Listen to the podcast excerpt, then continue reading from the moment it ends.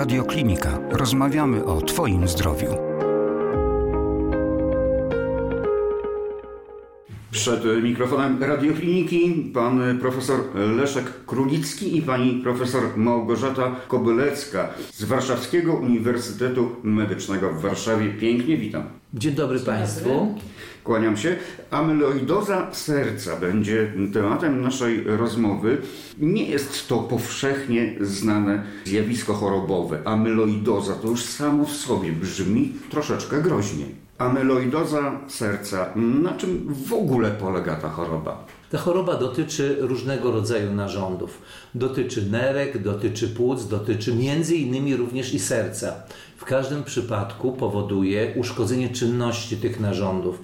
I to uszkodzenie czynności może być różnego rodzaju, może występować stosunkowo szybko, może rozwijać się przez wiele lat, niemniej jednak jest niezwykle obciążającym elementem dla zdrowia pacjenta. Dlatego musimy zawsze pamiętać o tej możliwości, o możliwości występowania amyloidozy. Amyloidoza serca i w ogóle amyloidoza ma związek z odkładaniem się białek. Odkładanie się białek, czyli... Takich nieprawidłowych białek, muszę powiedzieć.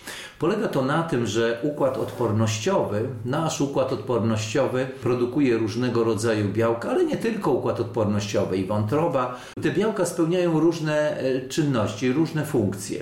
Jedne z nich odpowiadają właśnie za układ odpornościowy i tak jest w takim przykładzie amyloidozy łańcuchów lekkich, ona się w skrócie nazywa AL, która występuje na przykład w przebiegu szpiczaka czy w przebiegu innych takich schorób. Szpiczak, czyli y, odmiana choroby nowotworowej. Odmiana choroby nowotworowej. Natomiast inne białko, y, białko transtyrenina, produkowana jest z kolei przez wątrobę i służy jako taki transporter dla hormonów i między innymi dla witaminy A.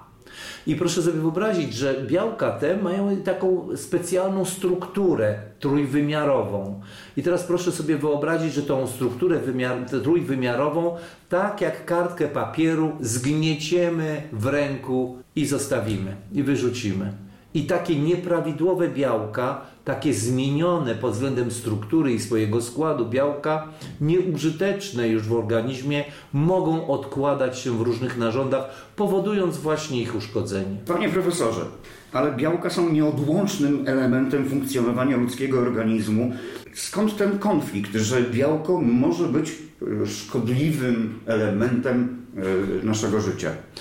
Tak jak w każdym przypadku prawidłowo zbudowane białko o prawidłowej strukturze służy nam oczywiście w pełnym zakresie i jest bardzo ważnym elementem prawidłowego funkcjonowania naszego organizmu. Natomiast problemem są białka, które nie posiadają tej właściwej struktury.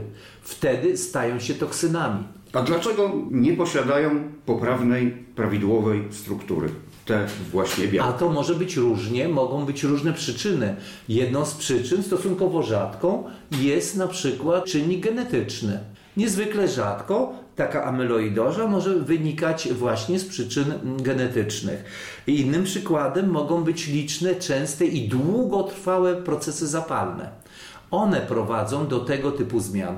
To też nowa wiedza przy okazji amyloidozy amyloidozy serca, ale też amyloidozy dotyczących e, innych organów. Czyli co? Genetyka także, ale w domyśle również nabyte jakieś tak, dysfunkcje. Tak, nawet dzielimy tą podstawową amyloidozę, o której będziemy rozmawiali, to znaczy amyloidozę nazwanej w skrócie ATTR, na tak zwaną nabytą wild type i tą wrodzoną.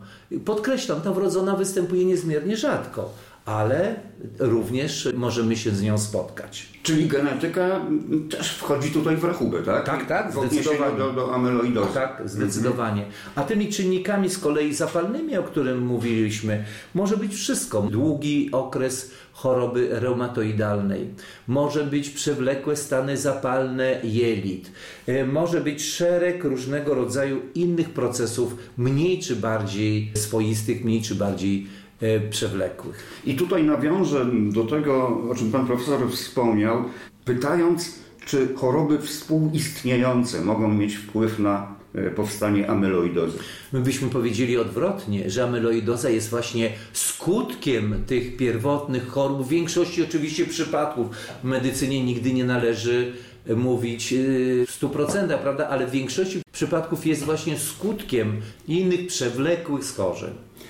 Jeśli chodzi o czysto fizyczne działanie tych niepotrzebnych białek, dlaczego one powodują uszkodzenia w naszych organach, w tym w sercu. Tak czysto fizycznie, no odkładają się dobrze, odpadają się, no i co dalej? Niestety one powodują znaczne przeciążenie serca, powodują jak nieproszony gość zaburzenia w kurczliwości mięśnia sercowego.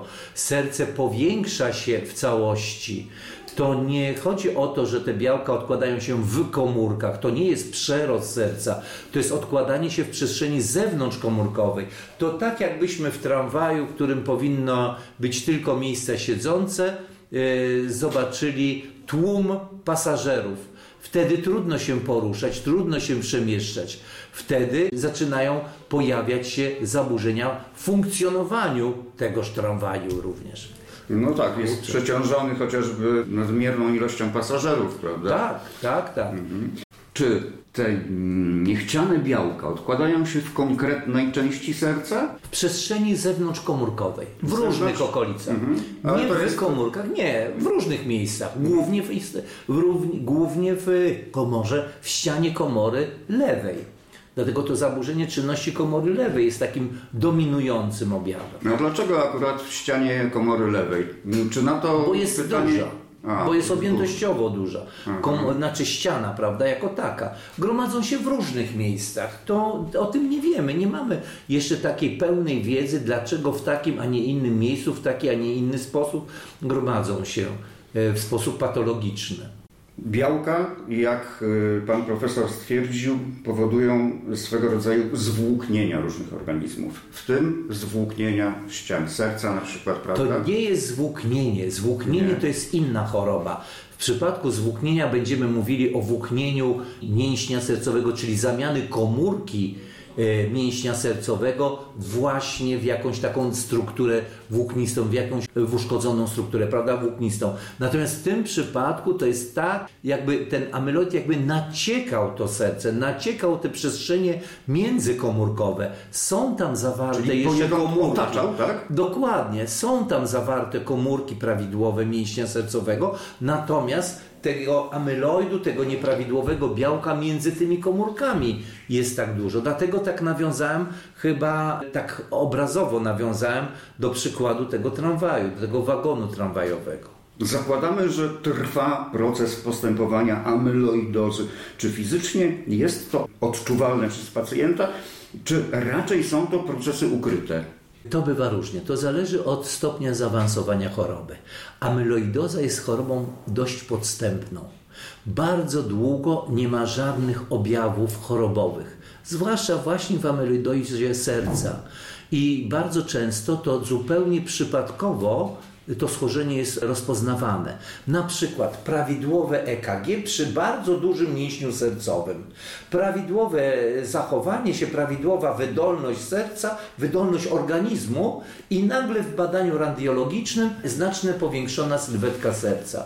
I dopiero w późniejszej fazie choroby następuje już uszkodzenie mięśnia sercowego, tak jak i innych narządów. Ten okres od chwili wystąpienia amyloidozy do chwili, kiedy pojawiają się objawy, kliniczne objawy, które pacjent odczuwa, może być bardzo różny. Może sięgać miesięcy, a może sięgać nawet nie miesięcy, a wielu miesięcy, kilkunastu miesięcy. No dobrze, a te objawy to między innymi szybkie męczenie się, tak, duszność, nieregularne bicie serca, duszności. To jakby zrozumiałe, ale też pojawiają się trudności w połykaniu pojawiają się również w innych schorzeniach, na przykład w sklerodermii, czyli w twardzinie, mogą się pojawiać w przebiegu cukrzycy, mogą się pojawiać w przebiegu innych schorzeń o charakterze toksycznym, działaniu różnego rodzaju toksyn.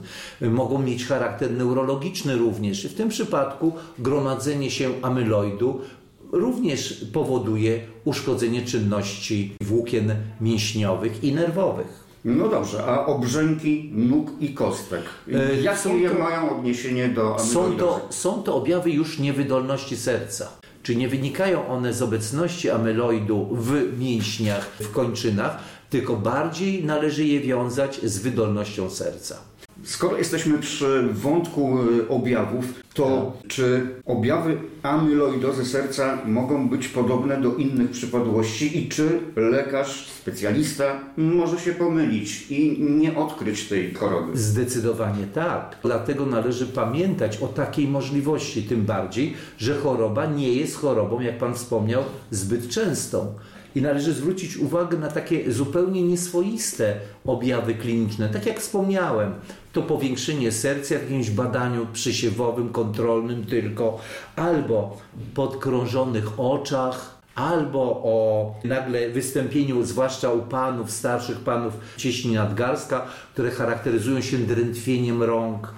To są takie objawy, które są niejednoznacznie wskazujące na ameloidozę, ale dosyć często jej towarzyszące. Lekarz pierwszego kontaktu e, raczej będzie miał problem ze stwierdzeniem, czy to jest amyloidoza, czy po prostu zwykłe zmęczenie, bo podkrążone oczy, czy obrzęk nóg, tudzież y, kostek, no, może Ale- być ale- objawem czysto zmęczeniowym. Ale pamiętajmy, że lekarz pierwszego kontaktu, ten lekarz rodzinny, jest tym niezmiernie ważnym ogniwem w służbie zdrowia i on jest zobowiązany do badania pacjenta nie raz i już, tylko wielokrotnie, jeżeli są pewne objawy, jeżeli zastosowane leczenie, wstępne leczenie, bo należy uwzględnić występowanie y, innych schorzeń, które występują częściej, prawda? Więc to leczenie tych innych częściej występujących schorzeń nie przynosi efektu, to należy pomyśleć o tych rzadkich chorobach.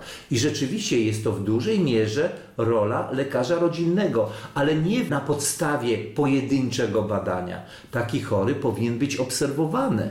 I w którymś momencie na pewno również lekarz rodzinny, dzięki takim audycjom, jak ta, w której uczestniczymy, powinien wiedzieć i pamiętać o takiej jednostce chorobowej. A ta diagnostyka amyloidozy to jest bardzo trudna do przeprowadzenia, czy raczej niezwykle dostępna przy obecnej wiedzy medycznej?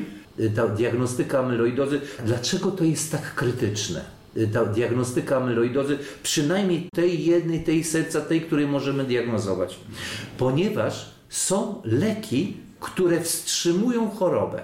Ta diagnostyka, ta zwłaszcza wstępna diagnostyka jest krytyczna dlatego, ponieważ leczenie, którym teraz dysponujemy, jest, że tak powiem, opracowane, tylko wstrzymuje chorobę, nie cofa jej. W związku z tym wczesna diagnostyka i wczesne włączenie leczenia to zatrzymanie procesu chorobowego. Jeżeli zatrzymamy ten proces chorobowy we wczesnej fazie, chory będzie w dobrym stanie. Jeżeli rozpoznamy za późno i choroba będzie już bardzo zaawansowana, to niestety ta niewydolność na przykład serca nie cofnie się. Choroba na tym poziomie dalej będzie istniała. Stąd ta rola diagnostyki jest tak krytyczna i ta wiedza o tym, że istnieje taka jednostka chorobowa, tak istotna. A propos diagnostyki, specjaliści jakich profesji powinni badać pacjentów na tę okoliczność? Czy to tylko kardiolodzy, czy może zespół lekarzy różnych specjalizacji?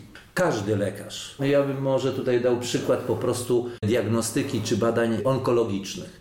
Prawda? Każdy lekarz i pacjent również powinien wiedzieć o takiej jednostce chorobowej i jeżeli wystąpią właśnie nietypowe objawy, ta duszność, to zmęczenie nietypowe, to chory już powinien być zaniepokojony tymi objawami, a lekarz rodziny, do którego się zgłosi, powinien, wykluczając inne jednostki chorobowe, pamiętać o tej możliwości.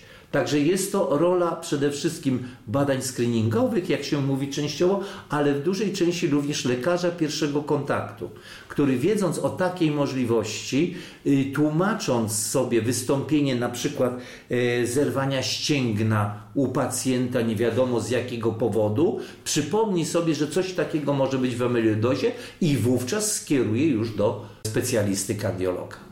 Wiemy już, dlaczego pojawia się amyloidoza. No, nie do końca wiemy dlaczego, ale po części wiemy dlaczego. Wiemy, jak może się objawiać. Pan profesor dotknął tutaj już wątku terapii w amyloidozie, w tym w amyloidozie serca. No właśnie, czy to się da leczyć, a jeśli tak, to jak się da leczyć? Leczenie jest bardzo trudne. Przede wszystkim trzeba pomyśleć o leczeniu choroby pierwotnej, pierwszej, tej, tej podstawowej, prawda? A lekiem, który w tej chwili jest dostępny, aczkolwiek chyba jeszcze nie refundowany, o ile wiem, jest taki lek, który się nazywa Tafamidis. I lek ten rzeczywiście wstrzymuje procesy dalszego rozwoju choroby. Stąd wracam do tego poprzedniego wątku. Im wcześniejsze rozpoznanie i włączenie leczenia, tym lepsze wyniki postępowania lekarskiego. Czy to jest jedyny lek, który jest stosowany w amyloidozie? W tej chwili niestety tak. Jedyny zarejestrowany lek. Pani profesor, panie profesorze, jesteście specjalistami medycyny nuklearnej. Czy ona w jakikolwiek sposób w terapii mm, amyloidozy, amyloidozy serca może mieć zastosowanie? Tak, jak najbardziej, ale zanim przejdziemy do samej amyloidozy, to dwa słowa wyjaśnienia, ponieważ medycyna nuklearna kojarzy się przeciętnemu y, pacjentowi, czy nawet zdrowej osobie no, z czymś okropnym. Generalnie nie zajmujemy się promieniowaniem i w jego aspekcie bojowym, e, promieniowania dotyczące skażeń czy, czy broni atomowej, to jakby nie ta ścieżka. W naszym zakładzie używane są niewielkie ilości substancji promieniotwórczych, podkreślam niewielkie ilości, które są znacznikami pozwalającymi nam ocenić bardzo wczesne stany chorobowe. Wiedząc, że zaburzenie funkcji zawsze wyprzedza zmiany anatomiczne. Wszyscy lekarze, którzy to pamiętają, kierują pacjentów we wczesnych fazach przeróżnych chorób do medycyny nuklearnej, e, w której możemy stwierdzić e, zaburzenia na etapie funkcji bez widocznej jeszcze patologii, na przykład w badaniu USG czy tomografii komputerowej. Jak czy rozumiem... nawet często rezonansie magnetycznym. Po prostu mhm. zanim guz potencjalny czy zmiana czy naciek sercowy urośnie i pokaże się w postaci zmiany anatomicznej, my dużo, dużo wcześniej jesteśmy w stanie pokazać zaburzenie funkcji, używając do tego y, tych znaczników promieniotwórczych łączonych z różnymi y, specyficznymi substancjami gromadzącymi się w, w, w określonych chorobach. Tak. tak. Oczywiście medycyna nuklearna y, jest pewnym wycinkiem diagnostyki, który musi być umiejscowiony mm, równolegle z badaniami, wynikami badań laboratoryjnych. Praktycznie no, jest taka rekomendacja, w której y, wykonuje się badania laboratoryjne na obecność np. łańcuchów lekkich i jednoczasowo zamawia się badanie scintygraficzne serca dla oceny, czy mamy do czynienia z naciekami sercowymi. I teraz ważny aspekt. Amyloidozę leczy się przeróżnie i istotną jest e, ta wstępna diagnostyka określająca, który e, jest to typ amyloidozy. Tych białek nieprawidłowych też mamy bardzo dużo. Najczęściej jest to amyloidoza łańcuchów lekkich, czyli AL i amyloidoza ATTR. Proszę przy okazji powiedzieć, co to są te łańcuchy lekkie. Tak. Amyloidoza AL związana z układem odpornościowym y, są to fragmenty białkowe, y, tak zwane łańcuchy lekkie i amyloidoza y, transtyrotynowa, o której już Pan Profesor wspominał. Naszą rolą jest potwierdzenie obecności amyloidozy transtyretynowej. Właśnie ze względu na możliwość wczesnego włączenia leczenia i zatrzymania tego procesu. I okazuje się, że badanie scintygraficzne w amyloidozie ATTR praktycznie jest obecnie jedynym badaniem dostępnym, które jest w stanie nam powiedzieć, który typ, czy to jest ATTR, czy nie. A badanie typu PET-CT to się wiąże w pewien tak, sposób do tego z nuklearną mm. medycyną? E, w tak, jak sposób? najbardziej. To znaczy e, też w kwestii takiego usystematyzowania. My mamy w medycynie nuklearnej, oczywiście ponieważ nikt z nas nie widzi promieniowania gamma, one jest niewidzialne, to mamy aparaturę, skanery, które potrafią przemienić nam to promieniowanie niewidzialne w to, co jesteśmy w stanie zobaczyć, zarejestrować. I są to dwa typy skanerów. Są to skanery PET, i są to gamma kamery y, nazywane popularnie przez lekarzy zwłaszcza chętnie SPECT. I y, różnią się te skanery no, wieloma aspektami. Z naszego punktu widzenia, tak żeby łatwo zrozumieć, inne są typy znaczników promieniotwórczych, inne substancje używamy.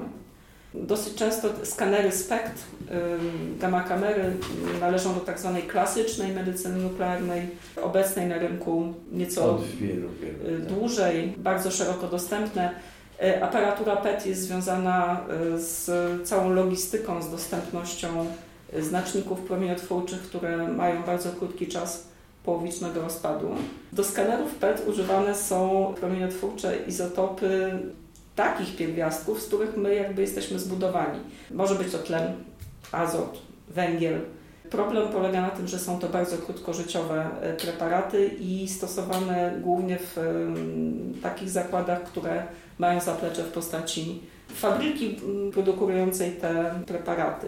To, co jest używane w diagnostyce PET nieco szerzej, jest to e, izotop fluoru, fluor 18, który na tle innych ma dłuższy czas poutrwania. Co to znaczy? To znaczy fluor ma czas połowicznego rozpadu 110 minut, a wróćmy na przykład do tlenu, który ma około 2 minut. Dlatego transport tlenu jest niemożliwy, transport fluoru jest jak najbardziej możliwy i tym fluorem staramy się znakować przeróżne substancje chemiczne specyficzne dla różnych procesów chorobowych. Jeżeli chodzi o PET w amyloidozie, to nie jest to w tej chwili jeszcze zbyt szeroko stosowane. Jest kilka przymiarek, to znaczy e, wiadomo, że amyloidoza e, ma taką zdolność, że gromadzą się w naciekach amyloidozy, gromadzą się te same znaczniki, które są wychwytywane przez kości.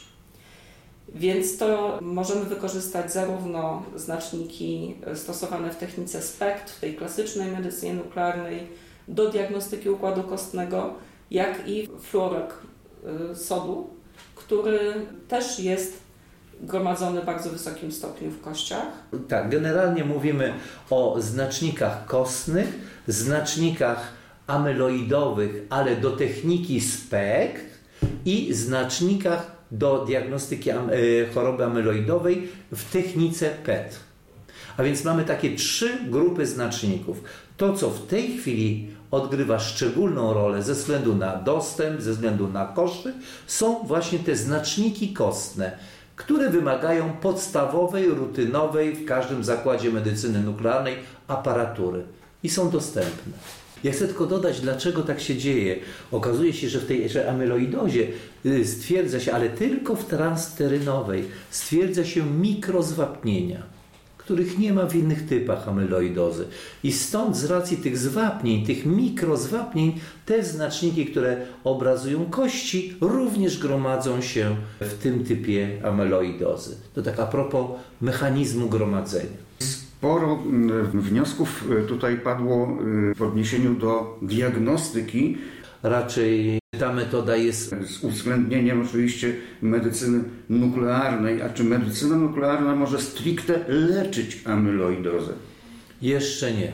Możemy leczyć choroby onkologiczne, możemy leczyć różnego rodzaju choroby, e, procesy zapalne, leczymy guzy neuroendokrynne, leczymy niektóre nowotwory, leczymy przerzuty do kości. Niedługo będziemy leczyli już normalnie, oficjalnie przerzuty raka prostaty nawet radioizotopowo. Od dawna leczymy choroby tarczycy, od lat 40. zresztą uznawana i, i wykorzystywana. Natomiast w tym przypadku wydaje mi się, że nie do końca metody radioizotopowe spełnią swoją rolę. Metody radioizotopowe w leczeniu mają na celu zniszczyć komórkę patologiczną. Mamy podać taką substancję wyznakowaną odpowiednim radioizotopem, emitującym już promieniowanie beta albo alfa, które ma niszczyć komórkę, a w amyloidozie nie mamy komórki. Nie mamy komórki, mamy tylko białko, mamy białko. Tak, a więc trzeba wyeliminować to białko, a nie komórkę żywą, na którą by zadziałało to promieniowanie.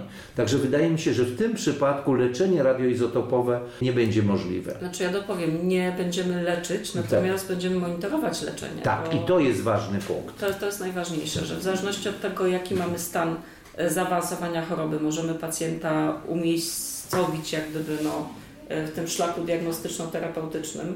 Jest specjalna skala oceny zaawansowania nacieków sercowych amyloidozy i w badaniu e, scintygraficznym obecnie jest możliwość wykonania fuzji obrazu z tomografią komputerową, co nam pokazuje, w których strukturach znajduje się naciek. Pytał Pan, które struktury są zajęte. Z badań fuzyjnych SPECT-CT wynika, że zajęte może być całe serce, zarówno lewa, jak i prawa komora. Możemy ocenić stopień zaawansowania. Oczywiście lewa komora jako grubsza tak. będzie wyraźnie widoczna, uwidoczni się wyższa aktywność, bo jest po prostu więcej miejsca do odłożenia tych nacieków. Natomiast y, nacieki sercowe w całym mm, mięśniu jak najbardziej widzimy. Czyli badanie wykonuje się po to, żeby po pierwsze stwierdzić obecność albo nie zmian, po drugie, czy dotyczą fragmentu mięśnia, czy dotyczą całego i stopień nasilenia zmian, a następnie wykonując badania kontrolne, odnosząc je do badania e, sprzed rozpoczęcia terapii, możemy patrzeć, e, czy choroba nie postępuje. Jak czułe są te metody medycyny nuklearnej?